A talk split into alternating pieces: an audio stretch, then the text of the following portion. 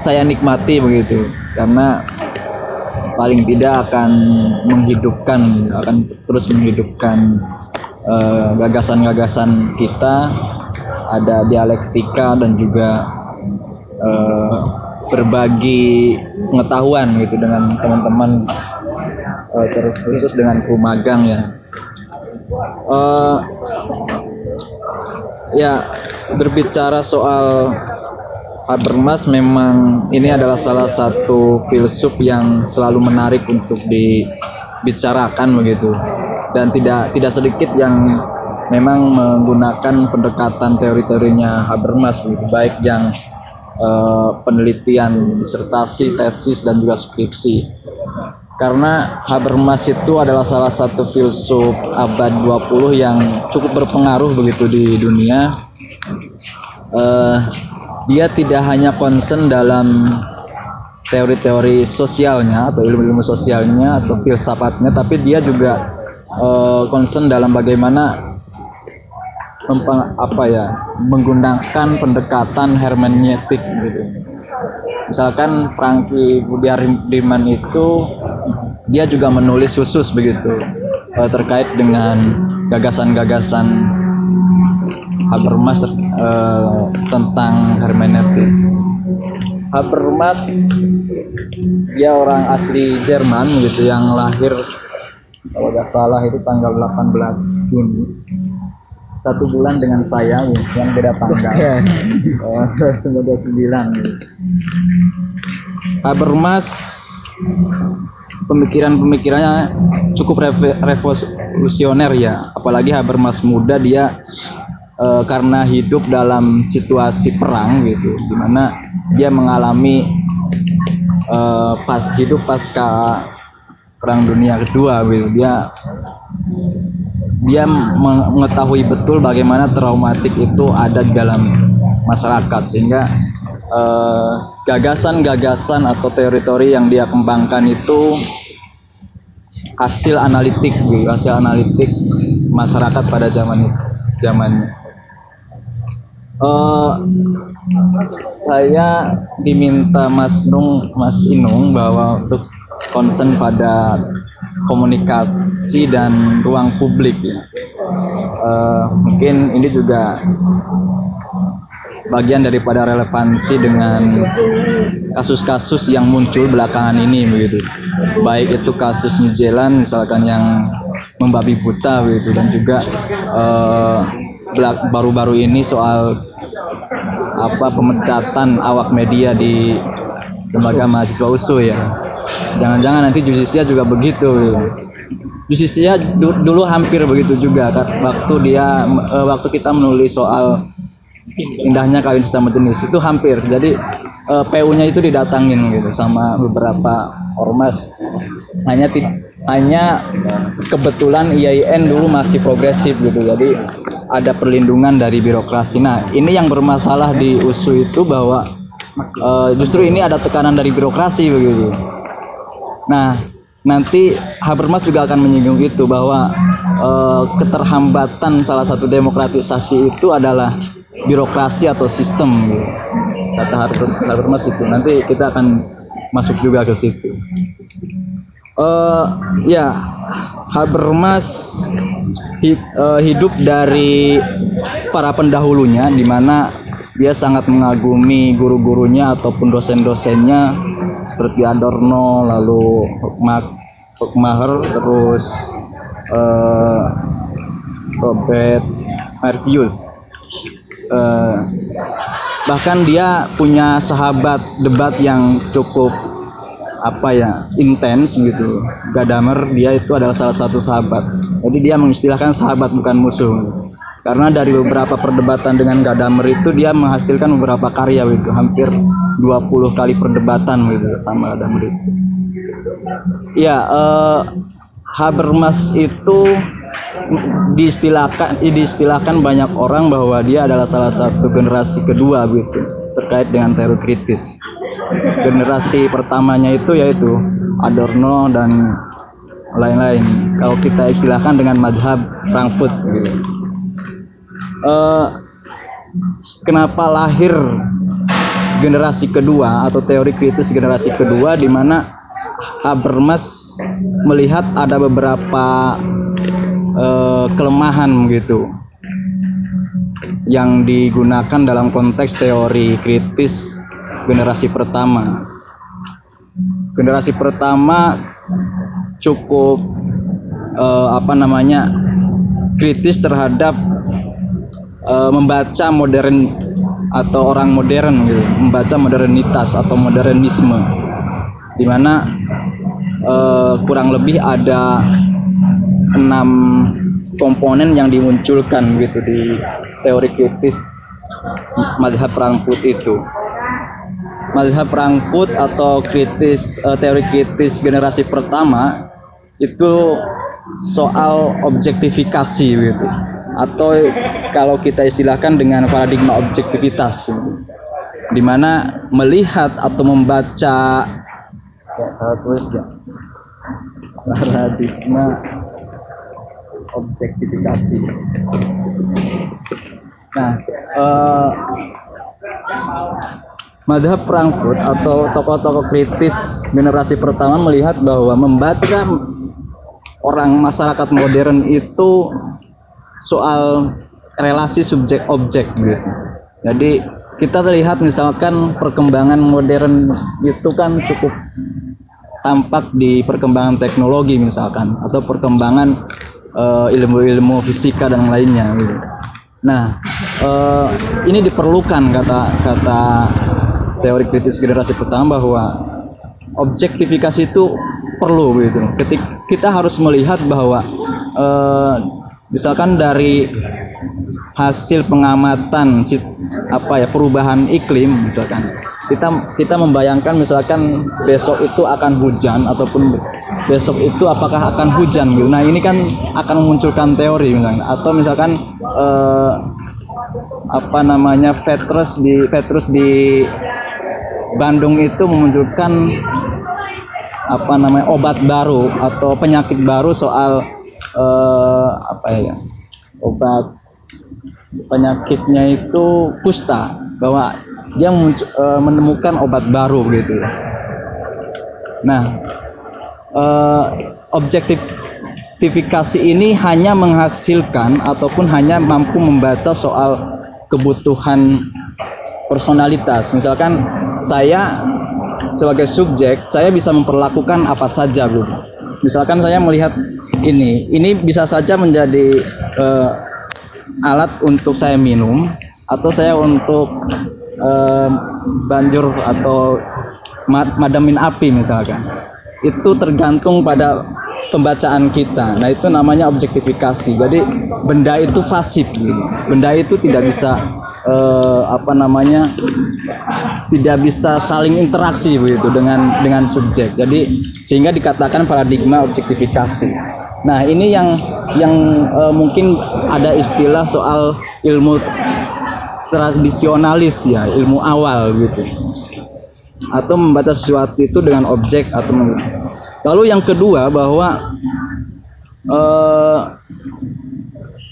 kemandulan bahwa dalam dunia modern itu atau dalam masyarakat modernisme itu eh, kemandulan praksis gitu. Jadi kalian percuma gitu eh, punya banyak buku tapi tidak relevan gitu dibicarakan di masyarakat atau di perpus Universitas UIN itu rata-rata bukunya misalkan hanya buku hadis gitu atau buku Islamic Studies gitu tapi tidak ada buku-buku yang berkaitan dengan lingkungan atau dengan sosial gitu. nah itu percuma gitu jadi eh, tidak tidak ada ketidakcocokan antara teori atau antara ilmu dengan praksis gitu.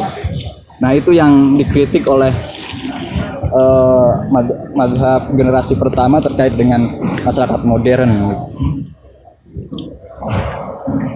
kalau karena kalau kita melihat bahwa apa pun teori itu kan harus punya nilai kontribusi atau ada sisi kemanfaatan terhadap masyarakat. Nah, dalam dunia modern ini misalkan oh kok banyak buku tapi kok masyarakat tetap biasa-biasa aja gitu, tidak ada perubahan. Nah, itu mandul gitu. atau masyarakat acuh tak acuh misalkan kita menggebu-gebu soal pentingnya pendidikan misalkan. Tapi di masyarakat pendidikan itu bukan sesuatu hal yang penting. Nah ini adalah ada kesenjangan atau kemandulan. Uh, lalu baga tidak adanya emansipatif gitu. Nah emansipatif itu kalau kita istilahkan kalau orang-orang itu kan emansipasi perempuannya peran perempuannya. Nah ini dalam konteks ini ya ilmu itu harus punya peran gitu. Harus harus mampu e, mengangkat kelas atau derajat manusia gitu jadi paling tidak masyarakat itu berguna gitu dengan tadi ada peran ilmu pengetahuan di sini atau ada peran teori atau gagasan terhadap masyarakat modern itu. Nah itu yang gitu. Lalu yang eh, kelima soal melanggengkan status quo. Nah melanggengkan status quo itu bahwa il eh, kemapanan. Jadi ini adalah salah satu kemapanan pengetahuan gitu. Kemapanan itu ya misalkan saya menemukan teori ini ya ini adalah salah satu teori yang relevan untuk saya. Jadi tidak ada teori lain gitu. Ini adalah satu-satunya teori yang uh, relevan untuk saat ini. Sehingga ini akan memunculkan uh, apa namanya hegemoni gitu di sini akan muncul hegemoni bahwa e, misalkan saya sebagai magister pulang ke kampung itu saya adalah salah satu posisi yang paling tinggi gitu dalam masyarakat itu adalah hegemoni. Dan kalau Gramsci bilang kan hegemoni yang intelektual gitu. Jadi sahabat-sahabat e, atau teman-teman kalau kuliah hanya untuk bertujuan memposisikan sebagai sesuatu uh, seorang yang lebih tinggi derajat secara ilmu pengetahuan dengan masyarakat. Nah itu keliru, Bu. Itu adalah salah satu upaya melanggengkan status quo. Nah itu yang di uh, kritik ya. Lalu soal melupakan historis ide. Nah, ini yang sering dilupakan bahwa ide itu makanya Habermas itu sebenarnya tidak sedang mengkritik uh, generasi pertama tapi dia sedang menambahi ya atau menambal ya kekurangan-kekurangan bahwa ide itu muncul tidak tiba-tiba gitu tapi ide itu selalu muncul dengan konteks historisnya uh, misalkan teori sosial soal dulu kan si Durkheim juga berpikir ulang soal bagaimana uh, masyarakat mekanik dan uh, anu ya domestik. Nah bahwa pemetaan antara masyarakat desa dengan masyarakat kota itu kan karakternya berbeda, gitu. Tapi itu akan ditemukan dalam salah satu wilayah tertentu. Gitu. Belum tentu itu menyeluruh, gitu bahwa ide itu muncul sesuai dengan konteks dengan pembacaan masyarakat sekitar jadi tidak bisa digunakan atau diterapkan dengan uh, di secara umum atau digeneralisir we. misalkan di Yogyakarta ya tidak ada pembedaan antara masyarakat desa dan kota karena sudah sama-sama mengerti sama-sama paham atau sama-sama selesai dengan dirinya sendiri jadi interaksi itu uh, setara gitu. nah tapi kritik-kritik ini itu mengalami kebuntuan begitu. Generasi pertama mengalami kebuntuan uh, di mana situasi uh, masyarakat modern itu tetap saja tidak berubah gitu dengan kritik-kritik seperti ini. Nah, ini yang yang dilihat da, uh, oleh Habermas bahwa seakan-akan apa ya namanya? ada pesimisme gitu dari uh, apa namanya madhab perangkut itu. Nah, kata Habermas bahwa kenapa terjadi kebuntuan di sini perspektif madhab perangkut itu masih um, menerima soal objektifikasi soal masih menerima. Karena soal tadi bahwa uh, ketika dia sudah memunculkan teori tentang relevansi di masyarakat modernisme berarti itu dia lupa gitu bahwa eh, apa namanya itu tidak akan selalu relevan gitu. Nah itu seolah-olah eh, masyarakat modern adalah objek gitu objek daripada teori itu. Jadi orang bilang itu kan kayak misalkan menjajah. Jadi orang menderita dengan jajahan itu tapi setelah berkuasa misalkan dia akan menguasai balik gitu. Misalkan reformasi. Reformasi itu kan digulingkan lalu orang-orang reformasi sendiri itu yang berkuasa akhirnya kan saling menguasai. Nah, sekarang yang menguasai orang-orang reformasi. Nah, itu yang yang uh, yang tidak dilihat oleh madhab Frankfurt gitu kata itu kelemahan kata Habermas itu salah satu uh, kelemahannya bahwa dia masih mengakui soal relasi subjek objek gitu. Bahwa teori kritis itu dominan daripada masyarakat modern atau daripada modernisme. Lalu soal menerima subjektifikasi ya teori kritis itu uh, selalu digun, uh, digunakan apa ya namanya? Bisa digunakan dalam e, membaca apa saja. Misalkan soal membaca e, benda membaca manusia. Sedangkan manusia itu kan sangat kompleks gitu. Tidak semua manusia itu kita bisa dibaca dengan satu pendekatan saja. Kita membaca orang yang trauma dengan membaca orang yang hidupnya apa namanya jauh dari konflik nah itu berbeda. Nah ini yang tidak yang tidak dilihat oleh uh, madhab Frankfurt kata Habermas makanya dua dua kelemahan inilah yang uh, kata Habermas tidak di uh, sehingga ada kebuntuan gitu soal teori kritis itu karena uh, apa namanya kayak kita ya kita kan selalu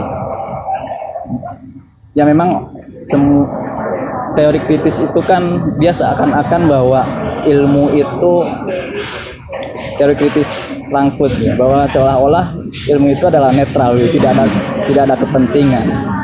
Jadi kayak bebas nilai. iya bebas nilai value free ya. Jadi tidak ada kepentingan itu padahal ya ilmu itu atau gagasan itu harus punya kepentingan mau gak mau gitu. Nah kata Habermas kita dalam membaca manusia itu harus menggunakan pendekatan tertentu. Yaitu soal apa namanya membaca hubungan manusia itu tidak selalu subjek objek gitu.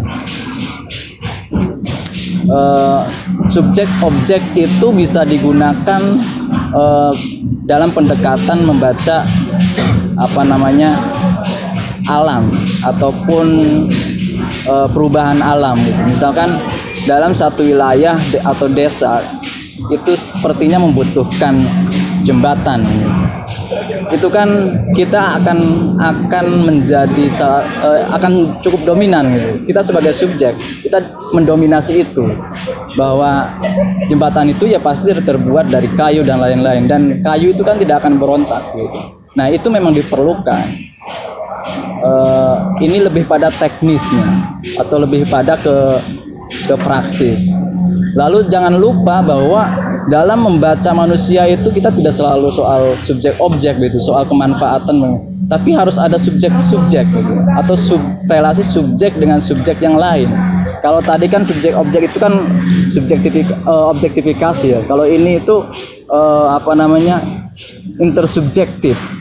Jadi uh, membaca manusia itu ya kita harus sama-sama mempunyai kepentingan gitu. Jangan misalkan begini. Kalau objektifikasi saya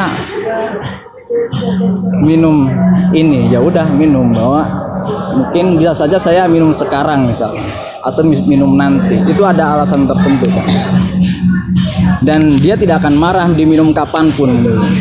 Tapi kalau intersubjektif, misalkan saya datang ke sini, saya tidak mungkin akan menyampaikan soal gagasan ini kalau tidak diminta oleh Inung misalkan.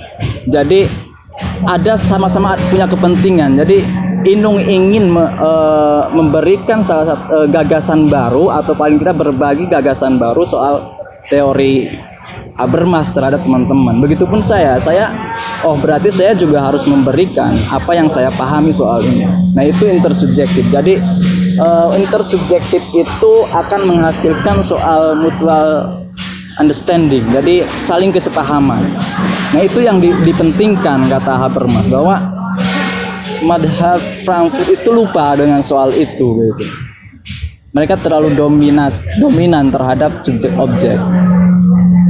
Nah, selain soal relasi antara subjek dengan subjek bahwa kita juga harus merefleksikan diri bahwa subjek dengan itself, jadi dengan diri sendiri. Kita kan kadang misalkan orang yang lagi jatuh cinta itu kan gelisah misalnya. Jangan-jangan dia dia atau mau nembak gitu. Dia mau enggak ya, mau enggak ya, kurang aku apa gitu. Nah, itu adalah kita sedang berinteraksi dengan diri sendiri. Atau orang yang bunuh diri atau bom bunuh diri itu kan sebenarnya hasil dari interaksi personal sebenarnya. Misalkan pada dasarnya memang dia punya kebencian-kebencian atau punya trauma yang menimbulkan salah satu inisiatif untuk dendam misalkan. Itu kan hasil interaksi dengan diri sendiri. Jadi orang akan, selalu akan dituntut untuk berinteraksi dengan diri sendiri. Nah, itu adalah subjek itself. Benar ya, itself. itself. Saya bahasa Inggrisnya harus belajar sama Fadli. Nah, itu yang uh, apa namanya kata Habermas penting gitu. Jadi uh, apa namanya kita membaca manusia itu harus jangan melupakan tiga itu uh, kalau subjektifikasi dan atau subjek objek itu kan kita itu kayak membayangkan soal ini ya semua dihitung dengan matematika dengan eksak jadi misalkan uh, perubahan anak itu akan sangat dipengaruhi oleh lingkungan kan. Jadi ketika dia diajari dari sejak awal, sedari misalkan ke pesantren kan gimana, dia akan menjadi orang baik. Nah, eh, apa namanya? Ini tuh akan mentah gitu, akan mental dengan eh, toh kenyataannya perubahan manusia itu kan berbeda. Misalkan dulu saya waktu SD misalkan tidak apa-apa eh, main-main itu tanpa pakaian misalkan waktu kecil. Sekarang itu tidak. Misalkan orang anak SD itu sudah oh dekat dengan temannya aja udah dibilang pacaran misalkan atau dia sudah punya banyak akses untuk teknologi. Nah, itu adalah salah satu yang tidak bisa dibaca uh, oleh subjek objek tadi itu. Nah, kalau cinta dibaca oleh itu, nah itu pada nanti yang ada ya itu mungkin salah satunya poligami lah ya karena hitung-hitungan kan. Jadi ketika hormonnya habis misalnya ini kan soal behavioritas ya. Jadi soal hormonnya jadi ada naik turun. Nah mungkin orang poligami itu kan hormonnya habis lalu muncak lagi ingin yang baru lagi misalkan. Atau perubahan-perubahan yang lain. Jadi semua itu dikalkulasi begitu. Jadi kalau hanya subjek objek itu semua hitung-hitungan. Kalau pacaran atau atau suami istri itu pakai pendekatan itu ya tidak akan lama karena pasti ada hitung-hitungan terus. Nah, uh, sehingga ini sebelum ke ruang publik ya. Jadi kita harus uh, kita coba mengantarkan bagaimana peta pemikiran Habermas dari hasil tiga pembacaan itu sehingga Habermas memunculkan salah satu karya yang menarik atau salah satu karya yang terkenal misalkan soal uh, knowledge and human interest atau yang istilahnya ilmu pengetahuan dan hubungan antar manusia. Nah, ini adalah kunci dari komunikasi atau tindakan komunikatif. Jadi karya ini adalah salah satu kunci bahwa ilmu pengetahuan itu pasti ada kepentingannya. Kalau tidak ada kepentingannya ya tidak ada sisi kemanfaatan. Nah, eh, ini di, dirumuskan oleh Habermas bagaimana pemetaan antara realitas ilmu lalu sifat ilmu dan eh, kepentingan. Nah, soal tadi objektifikasi itu adalah uh, bagian dari apa ya bagian dari kepentingan untuk ilmu praksis. Misalkan kita soal ilmu-ilmu alam ya IPA nah teman-teman IPA itu ya lebih dekat pada objektifikasi itu. Nah objektifikasi itu ya realitas ilmunya ya pakai pendekatan soal analitis. Nah, analis analisis itu ya misalkan itu kan pembacaan alam atau pembacaan uh, tos apa ya tekstur tanah misalkan untuk teman-teman yang sipil misalkan itu kan salah satu yang terukur gitu. Jadi dalam mau membangun ini itu kan harus terukur. Tanahnya itu harus dalam bentuk apa gitu. Terus membutuhkan material apa.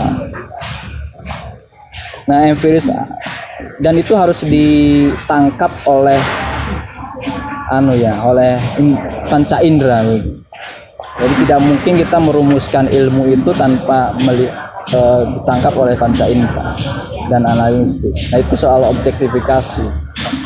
Nah berbeda dengan subjektifikasi. Kalau subjektifikasi itu yang tadi soal interaksi dengan diri sendiri bahwa uh, realitas ilmu hermeneutis historis itu kan bagian dari bagaimana kita memikirkan atau berinteraksi dengan diri sendiri untuk dapat berkomunikasi dengan orang lain.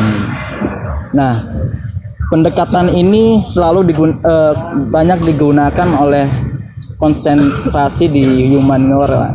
Humaniora itu kan bagaimana kita memahami masyarakat apa adanya begitu. Nah, untuk memahami masyarakat apa adanya itu tidak mudah, begitu. Nah, kita harus terus berefleksi, begitu. Kita harus berinteraksi dengan diri sendiri atau subjektifikasi yang menghasilkan sebuah intersubjektifikasi.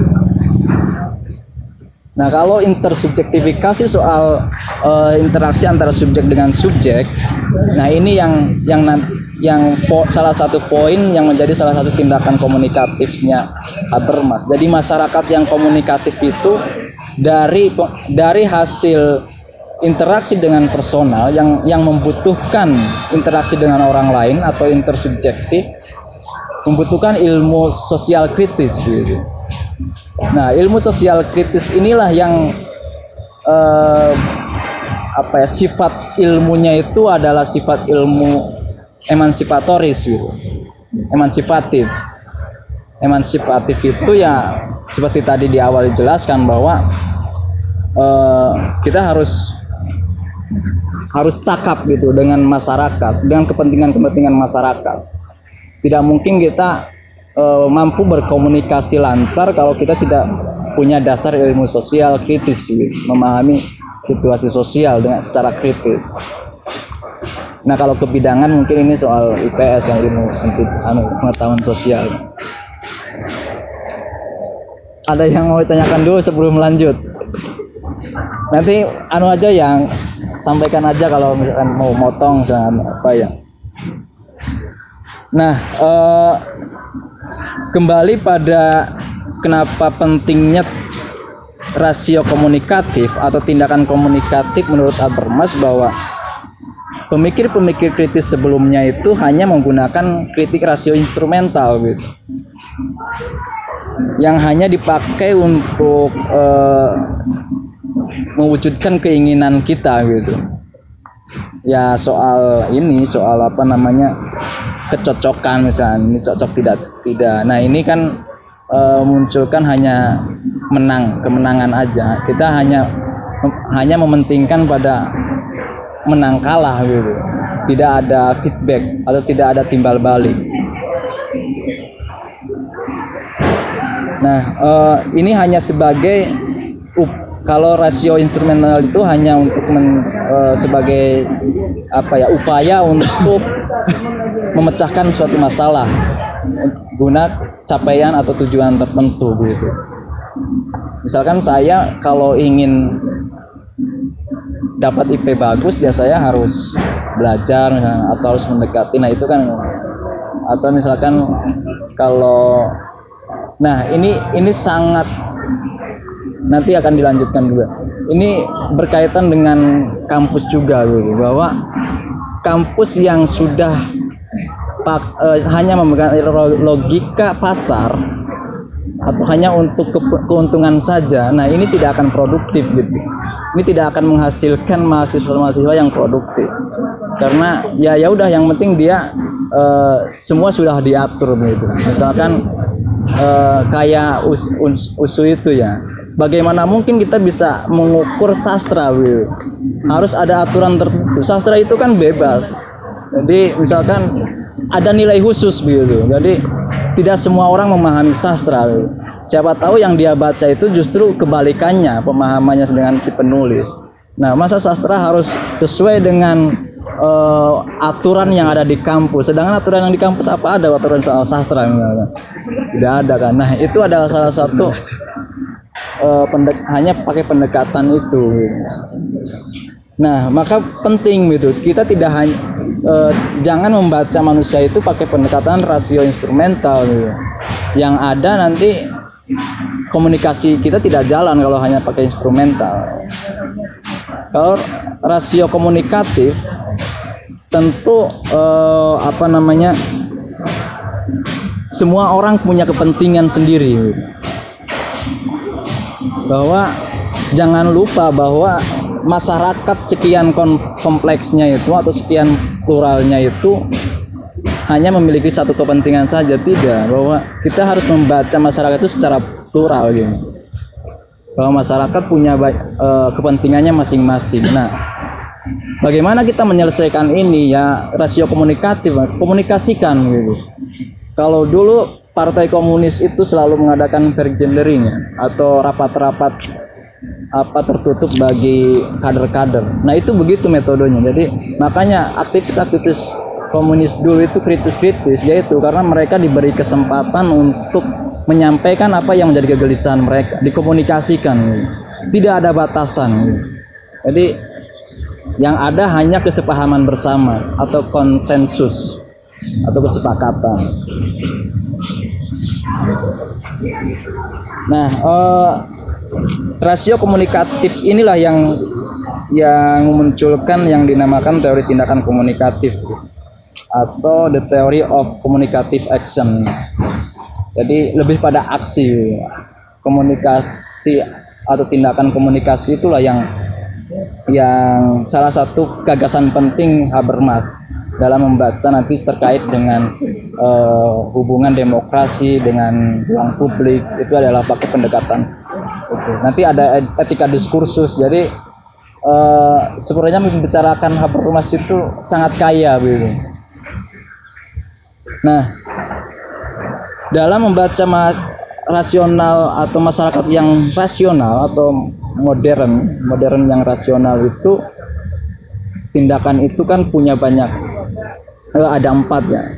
Ada kata bermas ada empat macam tindakan.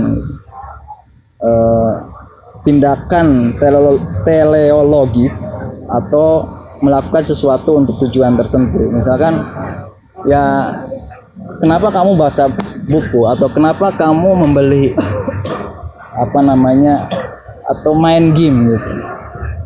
Ya untuk ngisi waktu luang misalkan. Atau saya membaca buku ya siapa tahu saya pinter misalnya atau siapa tahu saya e, dapat wawasan baru. Nah itu adalah tujuan tertentu. Berbeda dengan tindakan normatif. Kalau tindakan normatif itu berkaitan lebih kental dengan norma-norma atau aturan-aturan. Jadi e, misalkan soal pakaiannya. Pakaian itu kan diatur ya di ini. Ya misalnya saya memakai celana karena diwajibkan ini celana kain karena saya diwajibkan. Nah itu atau misalkan saya tadi sholat asar karena saya ingin masuk surga. Itu kan berkaitan dengan norma. Atau saya melakukan ibadah yang lain karena biar saya mendapatkan. Nah itu adalah salah satu uh, tindakan yang normatif gitu. Berkaitan dengan aturan atau norma-norma. Lalu tindakan dramaturgi. Nah ini yang uh, apa namanya mungkin banyak dilakukan politisi. Gitu. Jadi dia hanya pencitraan. Gitu oh saya bawa buku banyak itu tebal biar kelihatan pinter atau saya pakai motor bagus padahal pinjam nah itu adalah tindakan pencitraan jadi tidak ada kemanfaatan sama sekali jadi jangan teman-teman misalnya datang ke sini ya hanya biar kelihatan orang organisatoris atau orang aktivis itu artinya dramaturgi jadi begitu. Atau tadi soal ah siapa tahu saya dapat pemahaman baru. Nah itu ya setengah-setengah gitu. Lah saya ikut diskusi ya siapa tahu saya jadi pinter. Itu ada setengah-setengah. Atau soal normatif misalkan. Soal oh ini adalah salah satu yang dianjurkan dalam agama. Nah itu normatif nah yang terakhir soal tindakan komunikatif. Itu yang salah satu tindakan yang dihendaki oleh Habermas bahwa ini hasil murni dari interaksi dengan orang lain jadi ya tadi di awal bahwa kalau saya uh, kalau Inung misalkan biasanya kan hanya membujuk misalkan ayo teman-teman diskusi nanti dapat minum atau dapat sertifikat atau dapat oh apa namanya pacar baru. Nah itu dia tidak sedang mengkomunikasikan. Itu tidak sedang komunikasi tindakan komunikasi tidak. Tapi kalau kata Inung misalkan ayo teman-teman diskusi nanti eh, apa namanya diskusinya tentang Habermas lalu ini adalah kemanfaatan dalam kerangka teori. Ini, ini dijelaskan. Nanti teman-teman yang yang peduli atau yang memang ingin memahami ada interaksi. Yang tidak senang ya tidak senang. Lalu yang suka suka. Jadi itu ada interaksi jadi kalau ada orang yang masih ngedumel dengan ah kok bahasannya ini? Nah itu berarti uh, ada kekeliruan gitu. Maksudnya tidak ada tindakan komunikatif karena uh, di satu sisi Inung adalah sedang ingin berinteraksi tapi yang lain uh, lawan bicaranya tidak punya interaksi. Jadi kepentingan Inung itu belum tentu menjadi kepentingan orang lain. Tapi kalau sama-sama bicara ayo misalkan uh, kita mau mendiskusikan apa? Atau mau diarahkan ke mana diskusi Habermas misalkan nah itu adalah tindakan komunikatif.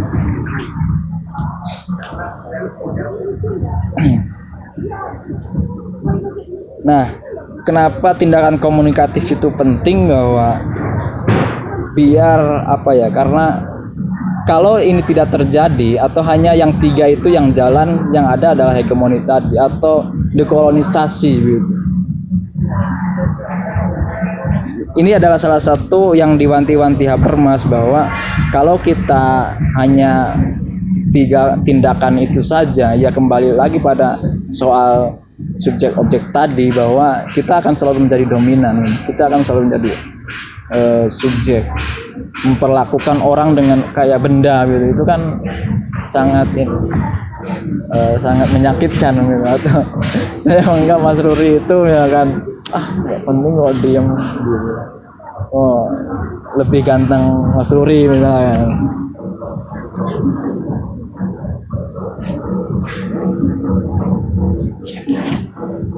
Apalagi ya soal nah oh dalam membaca atau jenis jenis, uh, jenis tindakan rasional itu uh, sebenarnya didasari oleh beberapa hal ya. Misalkan soal pembedaan ranah ya. Pembedaan ranah ini soal saya misalkan so, ya kalau kita mau berbicara itu ya harus disepakati dulu. Misalnya iya atau harus ada ra, pembedaan ranah. Misalkan e, mau bicara teologi ya teologi. Atau jangan misalkan kita e, fakultas hukum tapi membicarakannya soal pendidikan misalkan. Nah itu kan ya meskipun memang kita butuh tapi kan kayak seolah-olah itu iya jadi harus ada pembedaan atau bicara soal teknologi misalkan. Nah itu harus dibicarakan. Misalkan orang tafsir hadis tapi bahasnya soal ilmu geografi itu kan nggak nyambung. Nah ini soal pembedaan eh, ranah jadi ya rasional rasional gitu. Tapi dalam konteks komunikasi ya kita harus harus ada pembedaan ranah gitu. Nah, soal menyingkirkan aspek sakral. Ini yang uh, mungkin salah satu gagasan Habermas itu terkait dengan hermeneutiknya ya bahwa soal kalau kita kalau kita uh, masih di terdominasi oleh hal-hal yang sakral rasionalitas itu kan tidak akan masuk gitu. Ini kalau membicarakan hal yang sakral itu ya itu tidak akan berkembang gitu komunikasi itu misalkan mau saya mau berkomunikasi tapi membicarakan yang tidak ada gitu yang nggak tahu itu nggak jelas gitu itu kan uh, harus dilihat juga. Saya ngomongin surga tapi kan kita juga gak pernah ke surga misalnya. nah ini yang hal-hal yang dalam tindakan komunikatif itu kurang efektif atau tidak banyak harus dihindari gitu, kata Bermas Nah, soal rasional instrumental tadi itu tadi udah jelaskannya. Lalu soal rasionalitas strategisnya ini yang eh, salah satunya adalah soal keinginan. Jadi rasionalitas itu diciptakan untuk kebutuh kepentingan tertentu gitu. Untuk mencapai kepentingan tertentu. Dan ini banyak dilakukan oleh sistem atau birokrasi. Makanya tadi dari awal bahwa eh, salah satu hambatan demokrasi itu ya itu bahwa sistem dan birokrasi. Jadi sistem itu seolah-olah ini harus begini, terstrukturalisasi gitu. Nah, perumahan-perumahan itu sebelum sebenarnya itu kan diciptakan orde baru kalau nggak salah. Ya, itu ya. Jadi orang masyarakat itu dilokalisir gitu jadi di dipisah-pisah gitu. oh di kamu di begini kan di orang perumahan itu begini begini jadi ditata gitu kayak ada penataan nah ini tidak dalam konteks masyarakat modern pendekatan komunikasi tindakan komunikasi ini ini hambatan ini hambatan kalau uh, hanya hanya untuk capaian tujuan tertentu atau keinginan tertentu.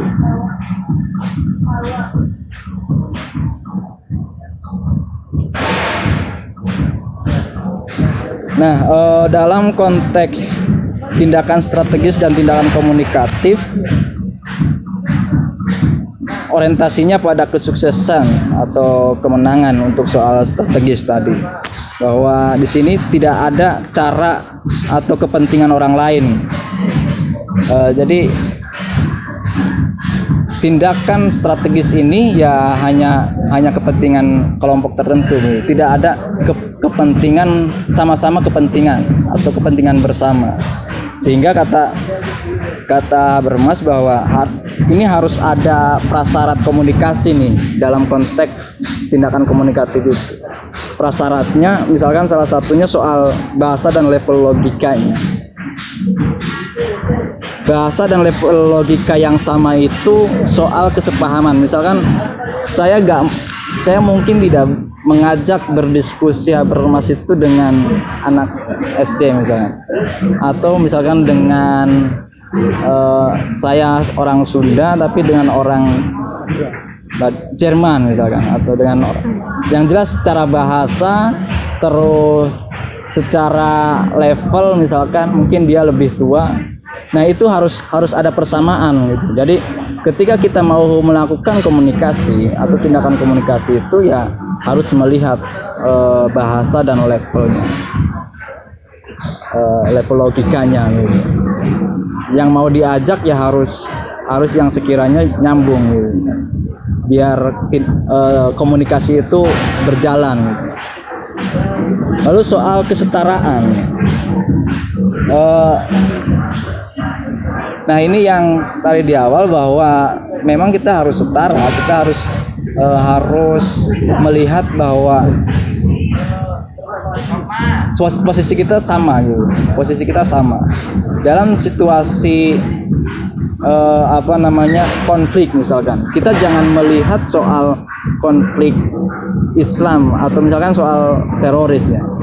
Yang muncul itu kan dari teman-teman sebelah itu kan ini isu agama tapi tidak padahal is, ini tuh isu yang sudah lama soal rasis ini jadi kalau kita mau mengkomunikasikan soal salah satu konflik ya kita harus melihat dari uh, posisi kesetaraan itu bahwa kita harus membicarakan dalam situasi uh, dalam kesetaraan jadi kita tidak saling mendominasi kalau saling mendominasi ya Eh, komunikasi itu tidak akan memunculkan kesepahaman bersama. Nah itu bagian dari strategi tindakan komunikasi.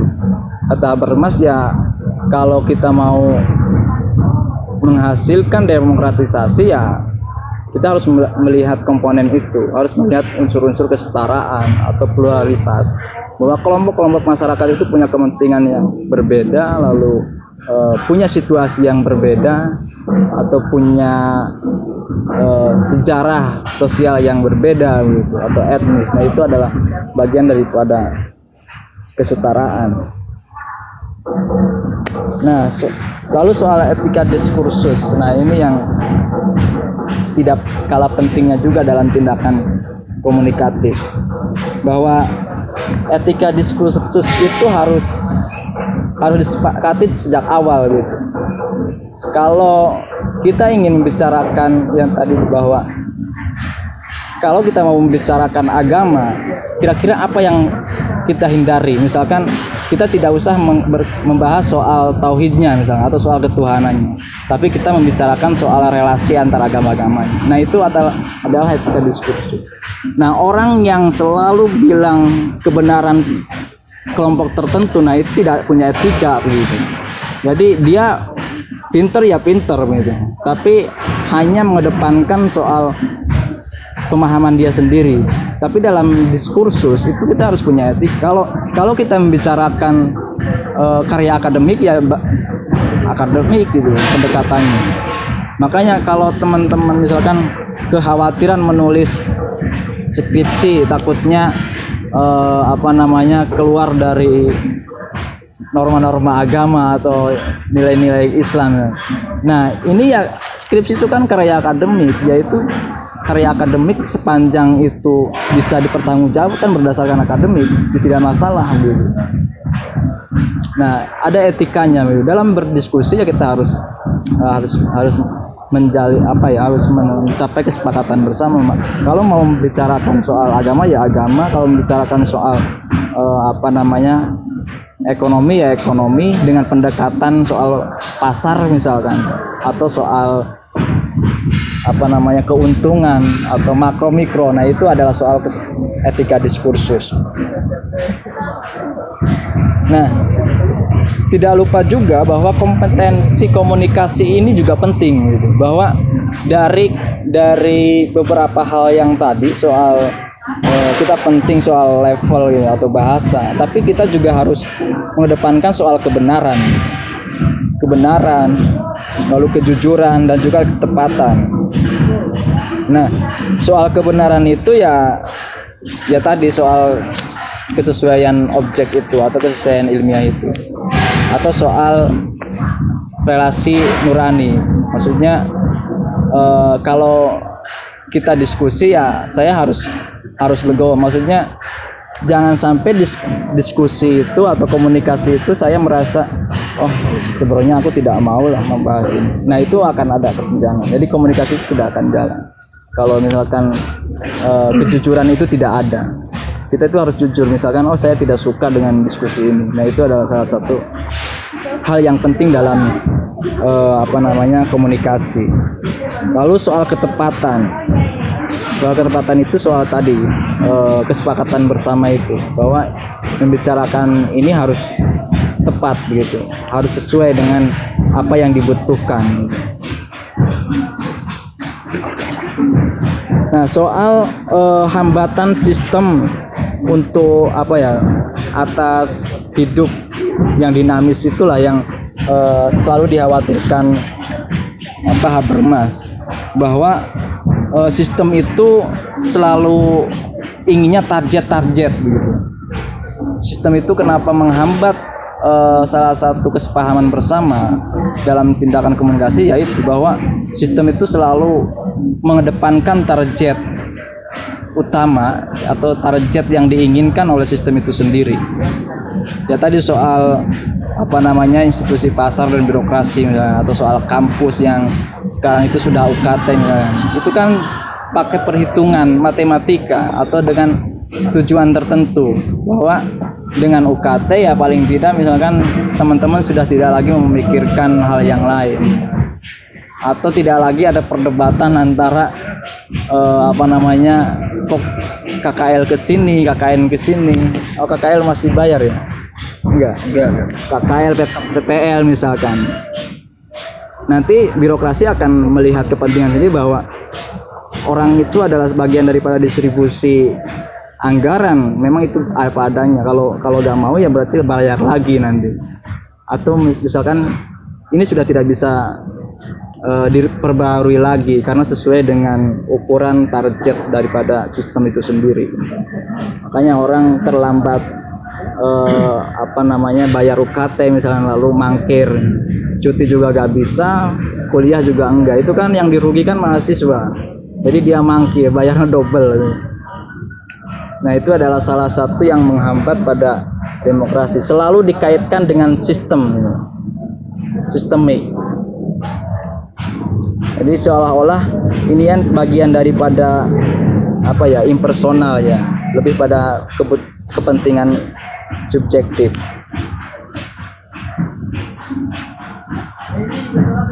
Nah, kalau universitas yang dibangun dengan logika pasar ya ya udah bahwa eh, kata Habermas itu tidak akan produktif dan hanya eh, mengedepankan pada untung rugi. Padahal ya memang masyarakat modern itu kan lekat dengan itu bahwa saya berkomunikasi itu harus untung rugi dong. Maksudnya harus ada apa ya seolah-olah ada tanggung jawab soal un- untung rugi. Jadi kalau saya tidak punya keuntungan untuk bicara dengan Gus Ruri, ya saya nggak akan melakukan komunikasi. Pada akhirnya akan begitu.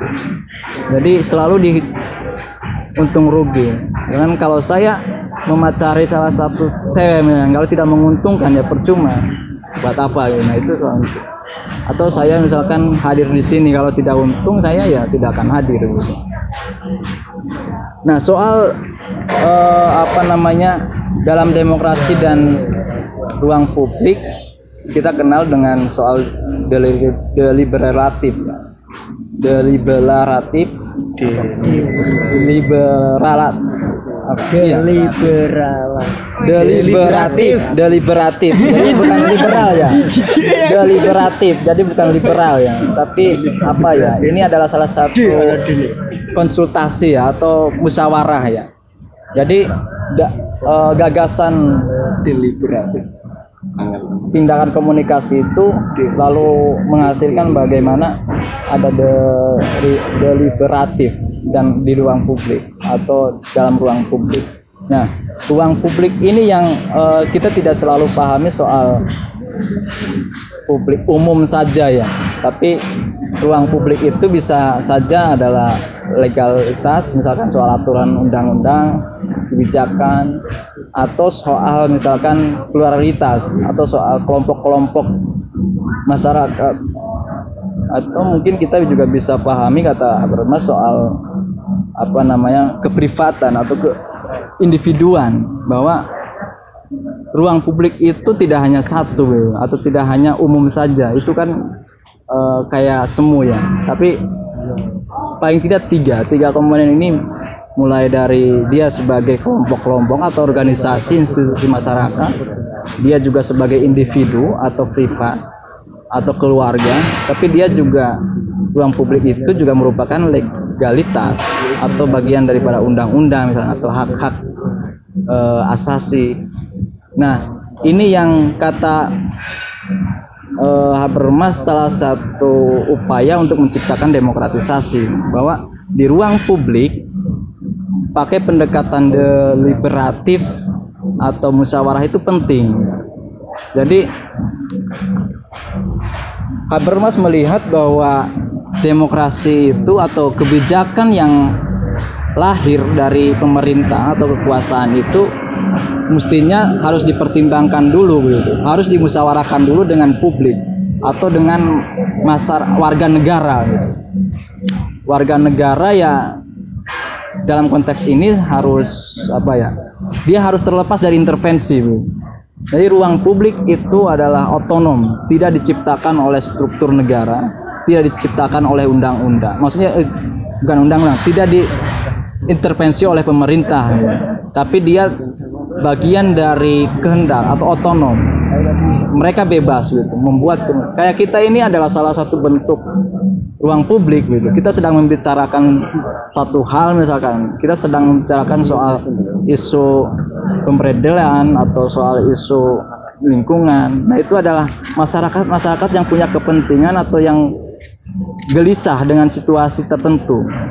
Nah, mestinya prosedural atau eh, kebijakan-kebijakan yang lahir dari dari pemerintah itu ya harus dikomunikasikan dulu begitu.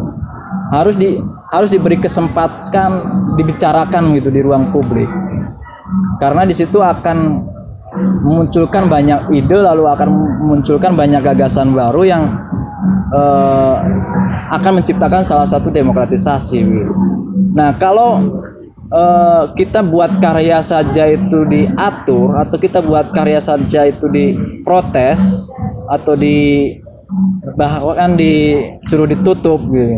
Nah itu berarti tidak tercipta komunikasi yang jadi dalam ruang publik itu tidak ada komunikatif, tidak ada tindakan komunikatif atau tidak ada deliberatif gitu. Jadi mestinya ada upaya itu gitu. Kalau rektorat memang merasa tersinggung dengan i, apa namanya novel ya, eh, da, ya dengan cerpen soal LGBT misalnya usul ya itu harus dibicarakan dulu gitu. Ini jangan-jangan memang ini punya nilai akademis, punya nilai sastra yang itu adalah bagian daripada kritik situasi sosial atau kritik sosial misalnya. Itu harus dikomunikasikan. Jadi jangan sampai dibatasi. Ini adalah karena de apa ya?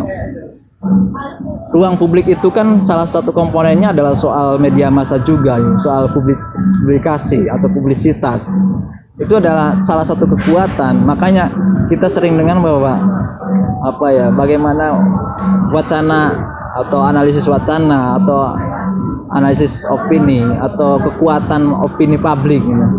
karena baik media massa baik pers atau baik komunitas-komunitas kelompok-kelompok yang itu sifatnya independen itu adalah tidak boleh dibatasi gitu. dalam situasi apa pun karena itu berkaitan dengan legalitas juga dengan institut dengan hak-hak ataupun dengan undang-undang yang memang sudah ada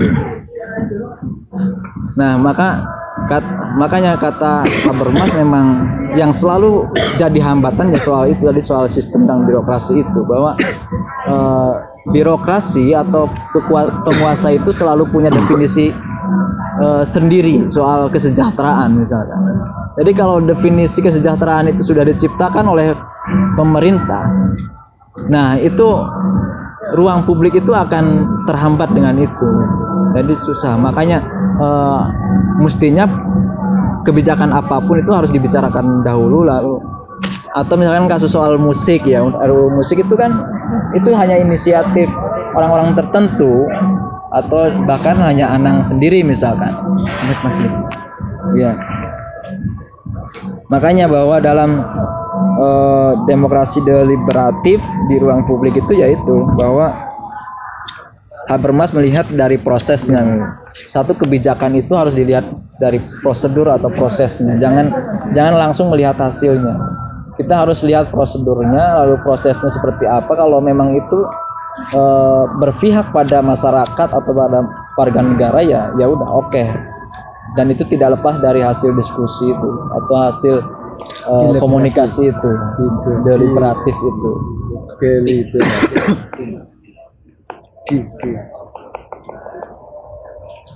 Nah, kata Bermas bahwa komunikasi akan melahirkan demokrasi deliberatif itu ketika uh, ada ruang publik gitu. Jadi uh, kenapa komunikasi itu penting dalam demokrasi deliberatif? ya karena ada ruang publik itu jadi tidak kom tiga komponen itu ada kesinambungan bahwa saling membutuhkan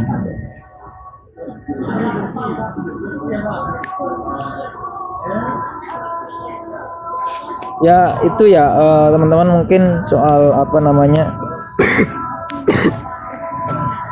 gagasan Habermas soal tindakan uh, komunikatif atau komunikasi dan di ruang dan ruang publik.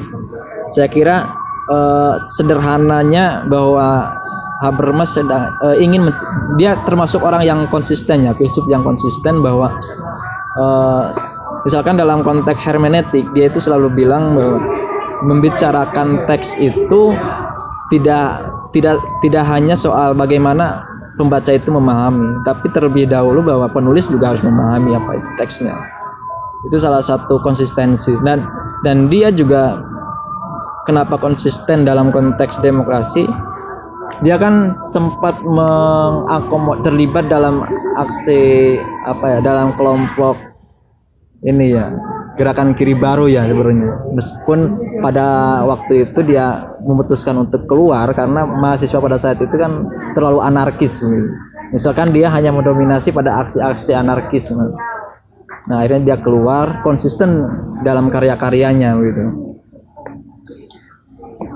Nah, etika diskursus tadi soal bagaimana uh, kita menciptakan kebebasan dan kesetaraan itu bahwa dalam uh, situasi atau dalam kelompok-kelompok ruang publik itu kita harus menciptakan kebebasan dan kesetaraan itu. Jadi siapa pun boleh berpendapat, siapa pun boleh menyampaikan opini-opininya gitu. Uh, yang itu bagian daripada ide-ide untuk kepentingan bersama atau konsensus itu. Kata Habermas, demokrasi bisa lestari dan berkembang itu uh, berkembang di luar di ruang publik ketika kepentingan setiap pihak saling bertegangan namun dikelola dengan cara dan media yang bisa diterima masing-masing pihak. Nah, dalam situasi apa pun atau dalam ketegangan sosial misalnya, ketika itu dibicarakan di ruang publik, itu akan demokrasi itu akan tetap lestari gitu.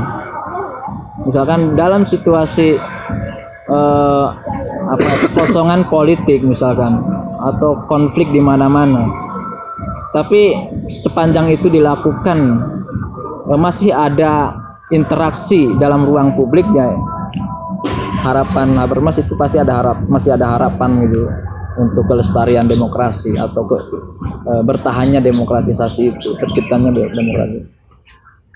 E, saya kira itu teman-teman e, semoga ini menjadi e, kita mengingat kembali bahwa memang gagasan-gagasan atau ide-ide